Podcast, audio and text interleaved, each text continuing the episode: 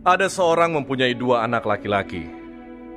Kata yang bungsu kepada ayahnya, "Bapa, berikanlah kepadaku bagian harta milik kita yang menjadi hakku." Lalu ayahnya membagi-bagikan harta kekayaan itu di antara mereka. Beberapa hari kemudian, anak bungsu itu menjual seluruh bagiannya itu lalu pergi ke negeri yang jauh. Di sana ia memboroskan harta miliknya itu dengan hidup berfoya-foya. Setelah dihabiskannya semuanya, timbullah bencana kelaparan di dalam negeri itu, dan ia pun mulai melarat. Lalu ia pergi dan bekerja pada seorang majikan di negeri itu. Orang itu menyuruhnya ke ladang untuk menjaga babinya. Lalu ia ingin mengisi perutnya dengan ampas yang menjadi makanan babi itu, tetapi tidak seorang pun yang memberikannya kepadanya. Lalu ia menyadari keadaannya. Katanya, betapa banyaknya orang upahan bapakku yang berlimpah-limpah makanannya. Tetapi aku di sini mati kelaparan. Aku akan bangkit dan pergi kepada bapakku dan berkata kepadanya, Bapa, aku telah berdosa terhadap sorga dan terhadap Bapa. Aku tidak layak lagi disebutkan anak Bapa. Jadikanlah aku sebagai salah seorang upahan Bapa. Maka bangkitlah ia dan pergi kepada bapaknya. Ketika ia masih jauh, ayahnya telah melihatnya. Lalu tergeraklah hatinya oleh belas kasihan. Ayahnya itu berlari mendapatkan dia lalu merangkul dan mencium dia.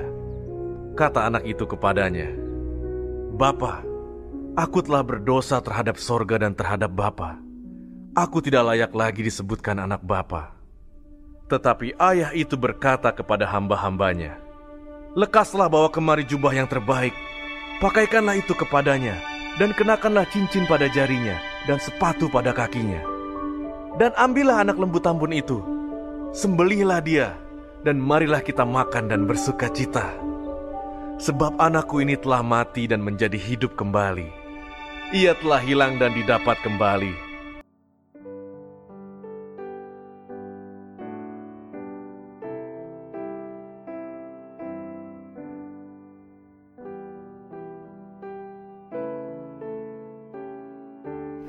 Sungguh lembut Tuhan Yesus memanggil.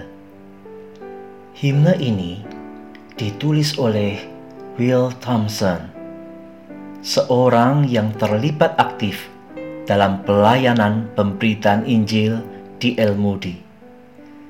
Syair himne ini menggambarkan Kristus yang menunggu, memperhatikan, dan menerima setiap orang yang mau kembali kepadanya. Di dalam Kristus, Allah mempersiapkan jalan untuk pulang kembali kepadanya. Ketika kita menyadari bagaimana letihnya kita dalam kehidupan kita, letih karena beban dosa kita, letih karena kita sudah berjalan jauh meninggalkannya letih karena sudah terlalu lama kita mengabaikannya. Letih karena banyaknya persoalan yang kita hadapi. Maka ketahuilah bahwa penerimaan kembali sudah ada di sana. Himne ini membawa satu pesan penting. Tuhan tidak perlu berteriak untuk bersama kita.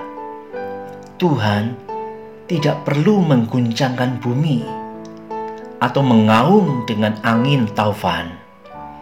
Tuhan bersama kita di dalam suara yang lembut jika kita mendengarkannya. Matius 11 ayat 28 Yesus mengatakan, Marilah kepadaku semua yang letih lesu dan berbeban berat, aku akan memberi kelegaan kepadamu.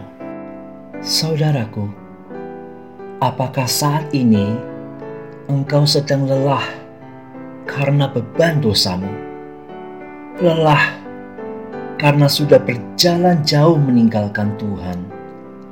Lelah karena sudah terlalu lama hidup tanpa Tuhan, lelah karena banyaknya persoalan yang menindih hidupmu, mari dengarkanlah bisikan lembut dari Tuhan kita yang memanggilmu datang kepadanya. Hai, mari datanglah. Kau yang lelah, mari datanglah. Mari saudaraku, datanglah pada Tuhan. Kembalilah kepadanya.